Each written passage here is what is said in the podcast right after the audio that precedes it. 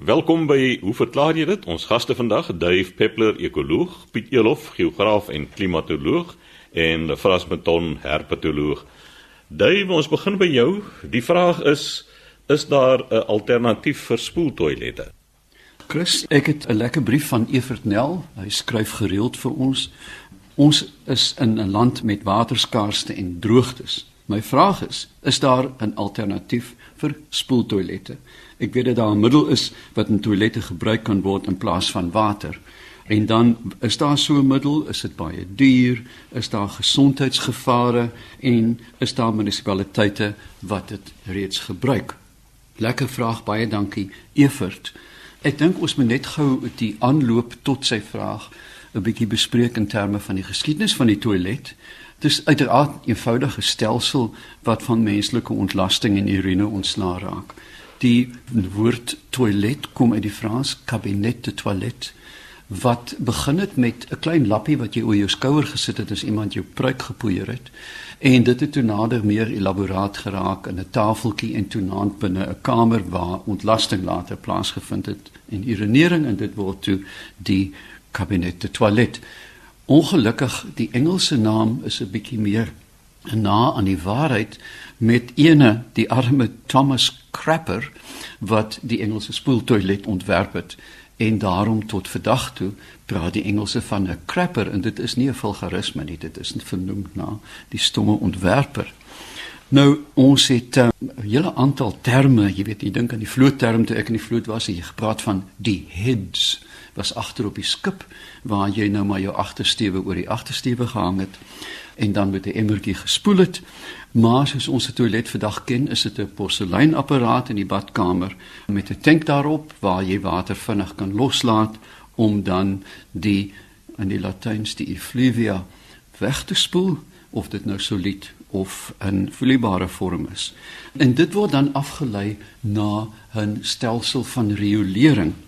Nou in hierdie stelsel is daar twee groot variante. Die een is die sittoilet en die ander die hurktoilet, iets wat ek in die ooste al talle male beleef het. Maar dan uiteraard ons is 'n land en 'n nasie van boere wat almal die ou put toilet ken. Die Engelse noem dit die long drop, die verval en dan 'n hele aantal emmers en variante daarvan. Nou ek uh, het jare gelede in Hertestraat in Stellenbosch gebly en nou nog met die slawehuise is daar 'n servituutpad tussen die huise deur waar die nagwa die nagvuil kom haal het. En dit is hoekom dit vir Jan Alleman beskikbaar is. Maar dan ook vind 'n mens in plattelandse Afrika wat die Engelse noem 'n tree bog of 'n arboro waar 'n oop toilet dan naby die wortels van bome gebou word om hulle so te bemes en dan is daar goed soos papajas en lemoene en piesangs om die toilet gebou. Daar is geen direkte kontak met die fisies nie, maar die verryking om die wortels sorg dan dat jy baie goeie vrugte uit die bome uitkry. Dan is daar keldertoilette waar die fisies afgevoer word om later verwyder te word en ons moet dan hierby sê gewoonlik is daar 'n heuwel tussen die toilet en die ontvanglokaal sodat gasse nie kan terugblaas daarin nie want jy weet tog dat dit gee ewige gasse af. Dan is daar ook waar jy ontbindingstoilette het wat jy kan vries. Of dan is daar natuurlik vir my die wonderlike Amerikaanse een wat hulle noem die flying, die vleiende toilet. En dit is die gebruik van 'n plastieksak wat jy dan so ver as moontlik van jou weggooi nadat jy gebruik het. Die ontwerp van ekovriendelike droë toilette met ander woorde wat nie met water maak nie so oud soos die mens homself maar deesdae word dit verfyn sodat dit op 'n volhoubare manier reukloos sal 'n mens sê bedryf kan word. Daar is ja die afvoermiddel dan in hierdie toilette is dan urine en nie water nie wat 'n baie effektiewe afvoermiddel is. Maar 'n mens moet dan 'n bietjie kyk hoe die goed gekonstrueer word. Daar is uiteraard 'n sitplek 'n afvoerpyp teen die hoek en dan word dit in 'n komposteringkamer geberg of versamel. Daar is 'n loogpan want daar word vloeistowwe vrygestel uit hierdie ontbindingsproses wat gewoonlik reukvry is. Dit is nie stink nie. en dan is daar 'n toegangsluik om dan die gekomposteerde materiaal uit te haal. Nou die gasse wat uit hierdie proses kom is uiteraard waterstof, sulfiet, ammoniak, stikstofoksied en metaan en daarom het meeste van die sisteme 'n baie goeie ventilasiesisteem. Mens sal sien dat 'n put toilet of 'n komposteringstoilet het gewoonlik 'n hoë koorsteen met een van hierdie woer-woer apparate bo-aan wat die lug uitsuig, selfs in die geringste lugbeweging om seker te maak dat hierdie gasse dan vrygestel word bo die neushoogte van die algemene publiek. Die mees perfekte vorm hiervan is 'n Sweedse stelsel wat ek al gesien het, hulle noem dit die Clivus Maltrum en dit is sedert die jare 30 reeds absoluut verfyn na een van die beste komposteringstoilette. Die rede hiervoor is dat meeste Swede het 'n vakansiehuis vir die somer byna soos die Russiese dacha. En veral op die argipel buite Stockholm is daar mos duisende, ek dink so iets soos 8000 eilandjies en elkeen besit 'n eiland. Die beroemde regisseur Ingmar Bergman het daar 'n groot eiland besit. Ek het al daar besoek afgelê en daarom kan jy nou nie broek losmaak in die see nie en elke klein eilandjie het dan 'n komposteringstoilet en hierdie goed werk jy ruik nooit iets nie en die afvalprodukte met ander woorde kompos word wyd aangewend in hulle tuine maar hier lê 'n probleem dat daar is patogene uiteraard as iemand besmet is met wurms interne helmitiese wurms dan kan die eiers en ook van lintworm segmente voorkom in ontlasting. En die enigste manier om dit te behandel is deur hitte. Met ander woorde, jy kan die een, jy kan die produk, die afvalproduk kan jy later verhit of jy kan die kompostering reguleer met lugtoelating en 'n aantal kleppe sodat dit tussen 55 en 60 grade Celsius bereik. En teen daai temperatuur binne 2 of 3 uur word die kompos dan effektief gesteriliseer.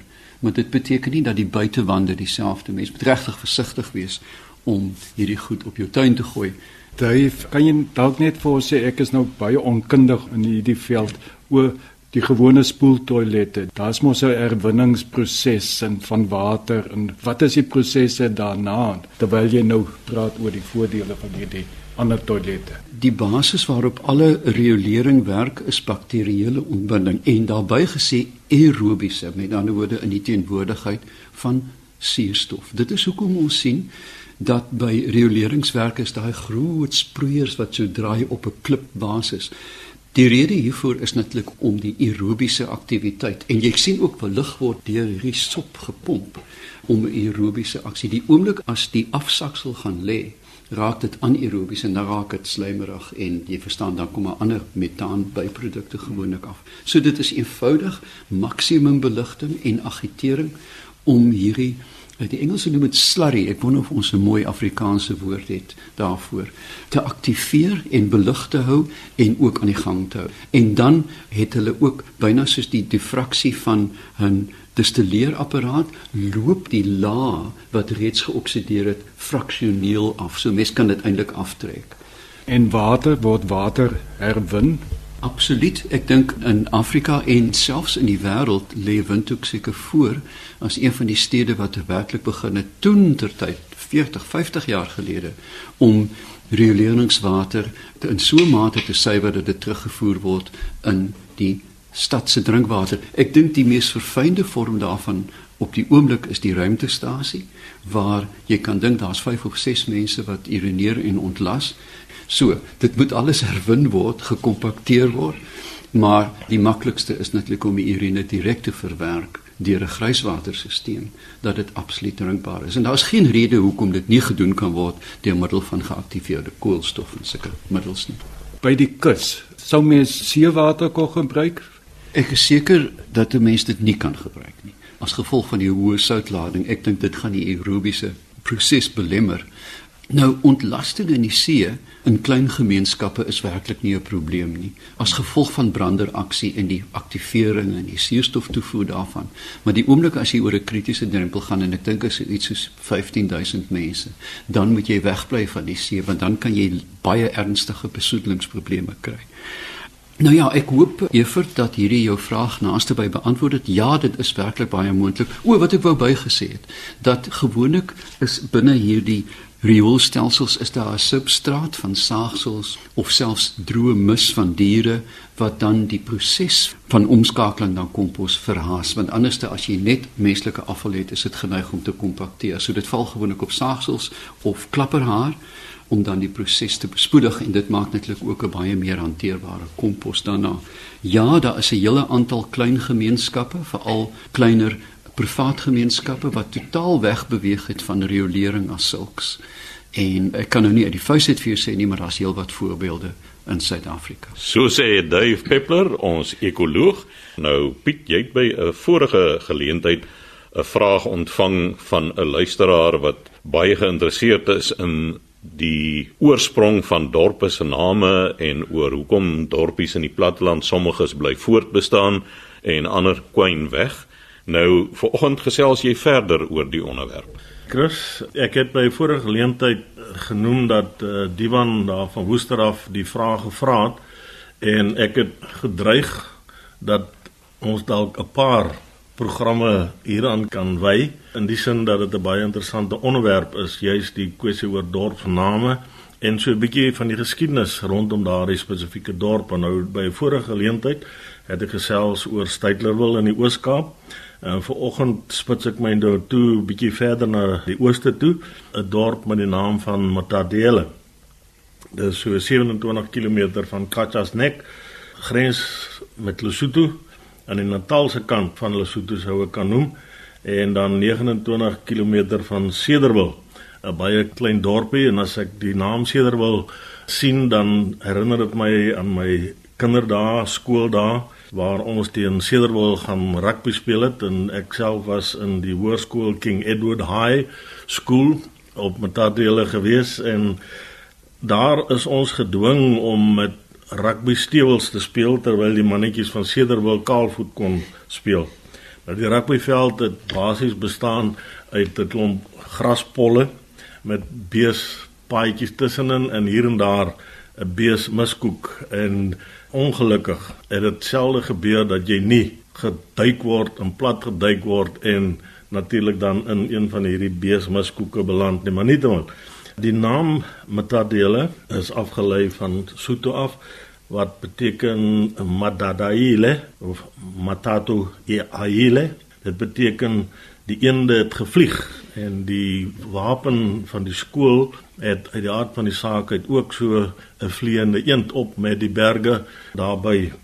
Nou die landskap weg van die Drakensberge af want dit is aan die voet van die Drakensberge en Maluti berge bestaan eintlik uit groot gelyk vlaktes natuurlik bedek met gras en kronkelende riviere ons het al by 'n vorige geleentheid bietjie gesels oor hierdie riviere wat kronkel uh, meander soos hulle in Engels sal sê. En uh, daar was dus baie waterpoele volop vleie uh, morasse panne absoluut ideale omgewing vir watervoëls. Nou na mate die omgewing meer beset is deur landbouaktiwiteite, boerdery, is dan natuurlik baie van hierdie vlei droog gelê sodat daar aanplantings van mielies en ander gewasse kon plaasvind. Gevolglik is die waterbronne vir die voëls natuurlik uit die aard van die saak uit erg verminder en het daar minder voëls voorgekom en dit is natuurlik waar die naam vandaan kom, Madadaile. Nou, hulle kontry het in die laaste deel van die 19de eeu ook bekend gestaan as niemandsland. Afgesien van die leeu's en olifante wat vroeër daar voorgekom het, was die area ook die tuiste of kan ek dit in aanhalings stel die speelveld van perdediewe, geweersmokkelaars, iets van 'n Afrika weergawe van die Wilde Weste.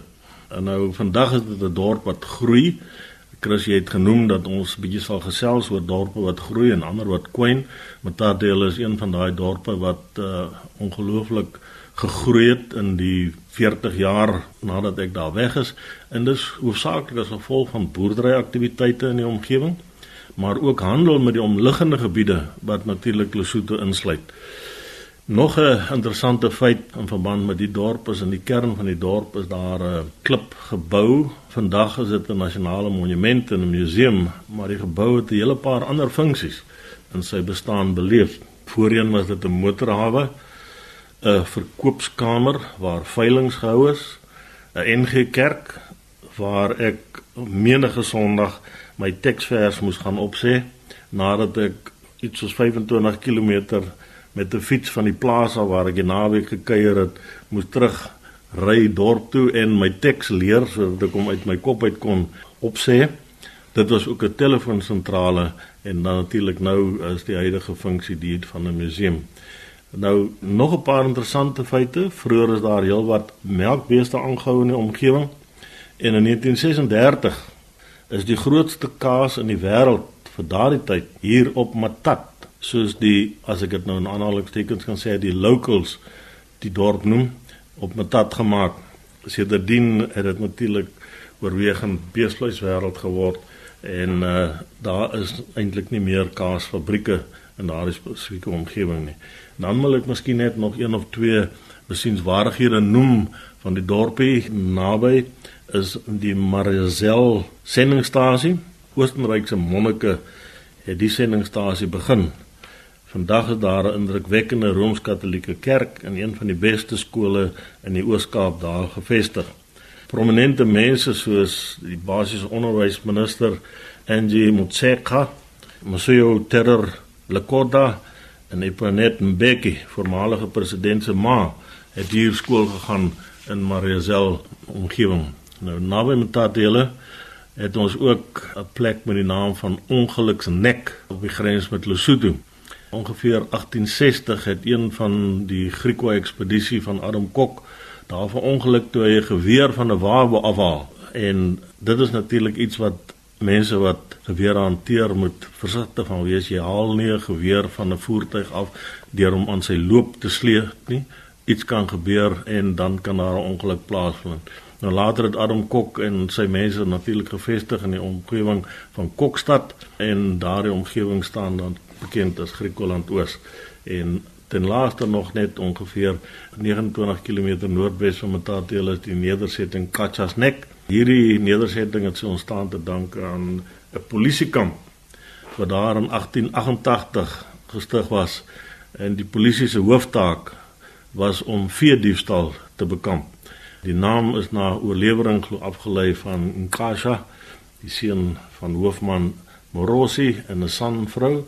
Dit beteken glo die een wat wegkruip en baie van die veediefstalle wat vandag nog voorkom na die omgewing is juis as gevolg van daardie ruwe terrein waar hulle baie maklik 'n troppie beeste kan injaag en tussen die berge in verdwyn. So Chris, ja, dit is uh die dorpie Matadele. Ons kan eintlik nog baie gesels, maar op hierdie stadium gaan ek daarmee volstaan. Piet, jy het net ook gesê die mense noem die dorp Matat. Is ek dan nou reg om te sê dat die mense wat in die dorp bly is dan nou Matatters? Hulle vra ja, ek sal nie namens die mense wil praat nie. Ek is lank gelede daar daar weg, maar dit is 'n algemene term wat hulle gebruik vir die dorp uh, Matat. Ek weet nie of dit is omdat mense lei raak om te sê Matat hele nie.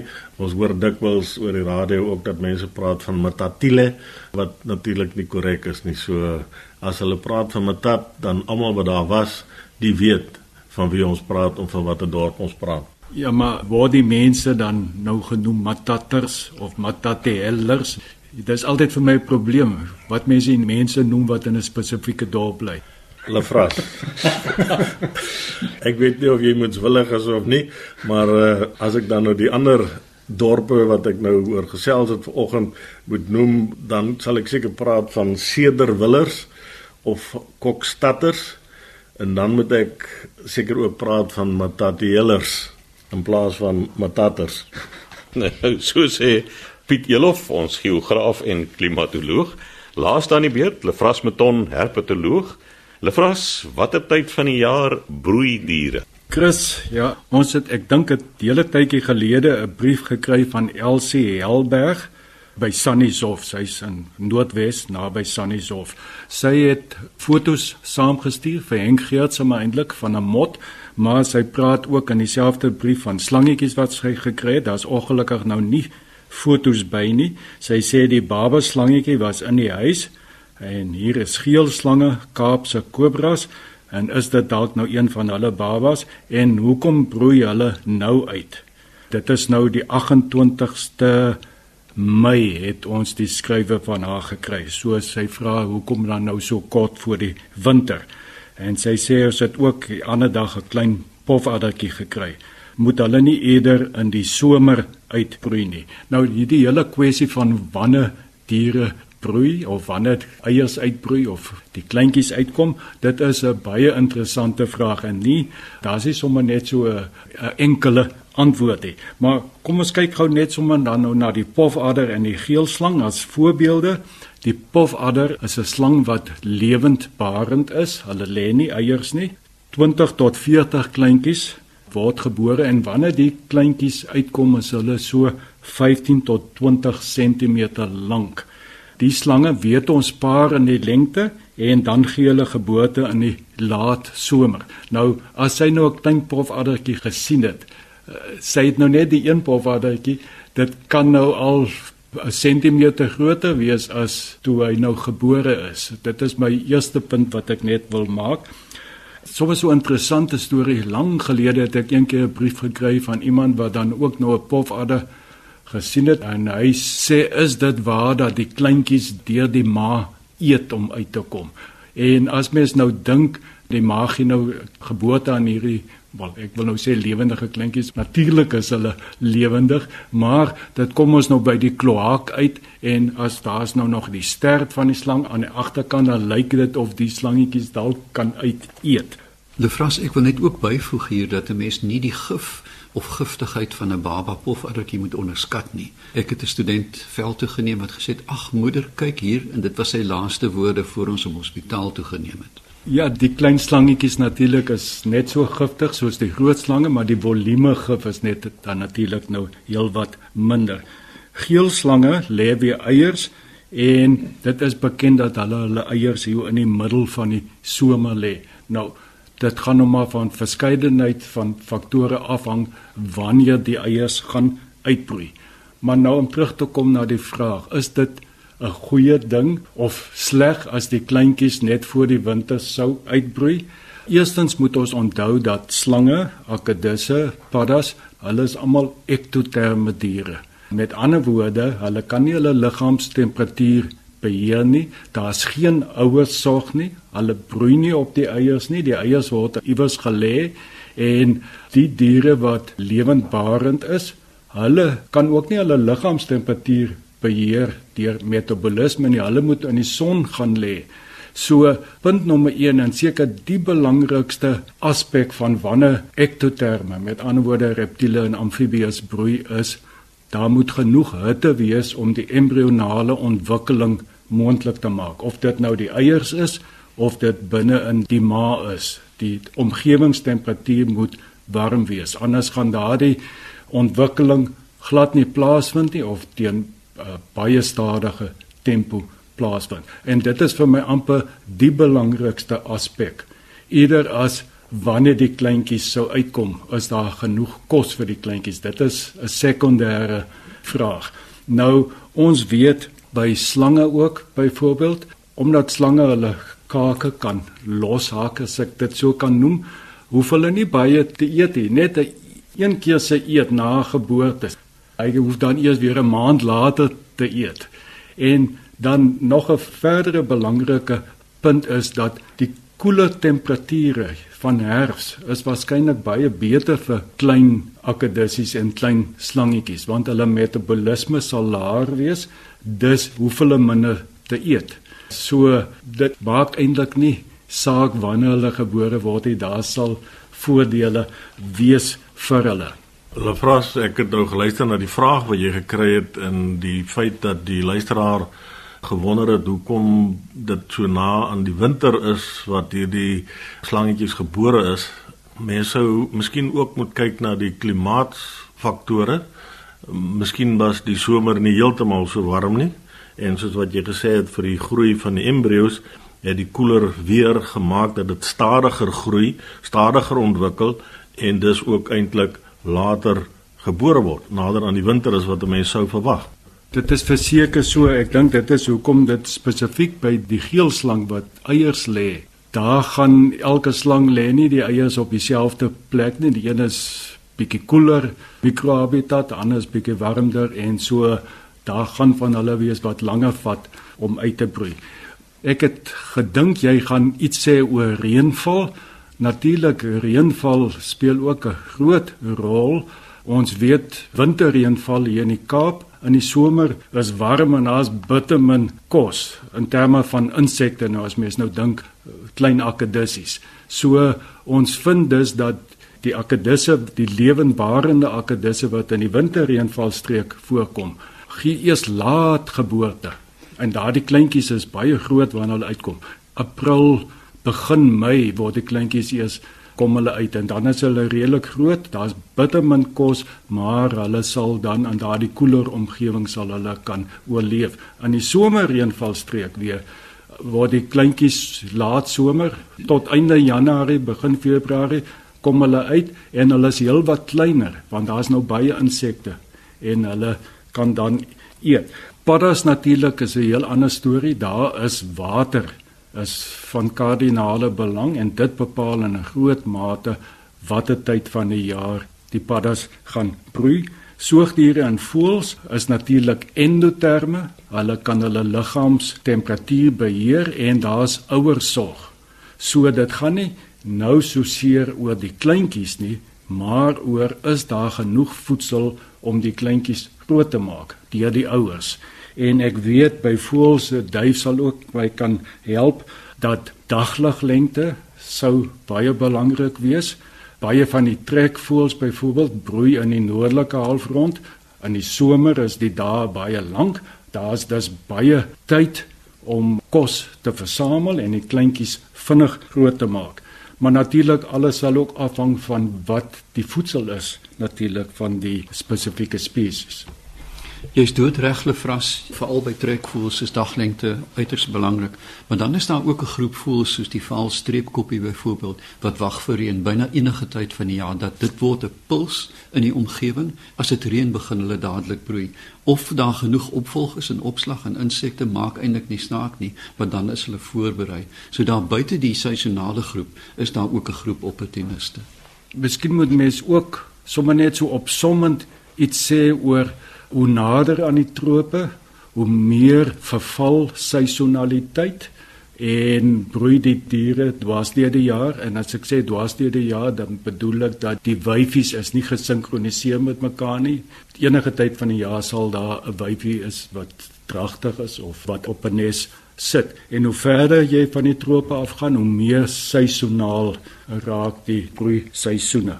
So dan om om af te sluit Elsie, Ja, ek dink die beskikbaarheid van kos aan die einde van die somer, dit is nie die groot probleem nie, dit is eerder die warm somertemperature wat belangrik is vir die embrionale ontwikkeling.